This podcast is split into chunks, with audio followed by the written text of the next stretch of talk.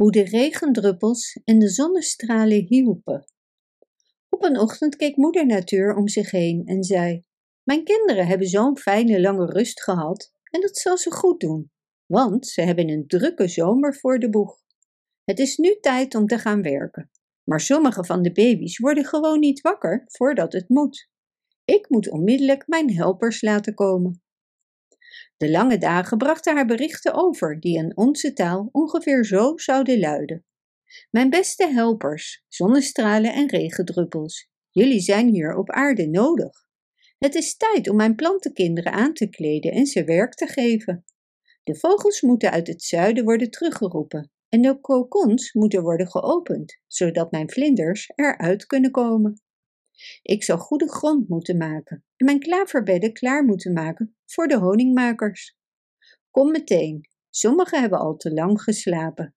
Fluister tegen de bomen als je passeert dat het tijd is dat ze uitlopen. Wees zachtaardig voor iedereen, want het zijn mijn kinderen en ik hou van ze. Vaarwel, moeder natuur. Dit bericht richtte ze aan de zonnestralen in het blauwe luchtpark en de regendruppels in wolkenland. Toen de boodschap deze kleine helpers bereikte, begonnen ze onmiddellijk aan de oproep te gehoorzamen. En de zon lachte zo vrolijk dat oma naar de deur van de boerderij kwam en opmerkte: Wat is het vandaag warm? Net lente. Ik geloof dat ik mijn geraniums zal uitzetten. Maar juist op dat moment zei een zachte stem: Wacht nog even, tot we de grond zacht hebben gemaakt. En plop kwam er een regendruppel op de neus van de lieve oude dame. Ze haastte zich naar binnen en zei: Wat een vreemd weer hebben we. Eerst zon en dan regen. Toen glimlachten de regendruppels en de zonnestralen naar elkaar en dansten nog vrolijker, want ze wisten wat een goed werk ze deden voor het grote bruine huis waar de bloemen woonden. Het tikken, tikken van de regendruppels maakte hen wakker.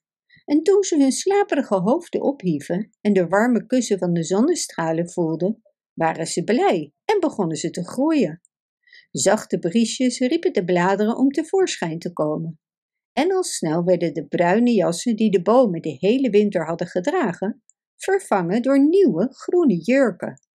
Wilg en Sneeuwklokje waren de eerste die de lente aankondigden. En al snel volgde krokus en viooltje. Buiten in het bos bloeiden kleine roze en witte meibloemen. Zaadjes barsten uit hun jasjes en lieten groene pluimen opstijgen. Toen riep moeder natuur haar helpers opnieuw en zei dat ze naar de lelies moesten zoeken en ze voor Pasen in witte gewaden moesten kleden. En zo kwam elke mooie bloem weer en de vogels zongen weer.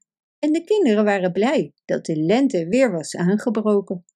De kleine helpers hadden hun werk goed gedaan en waren gelukkig. En iedereen was dankbaar voor de lente. Bedankt voor het luisteren. Wist je dat je dit verhaal ook op onze website ridiro.com/nl kunt lezen, downloaden en printen?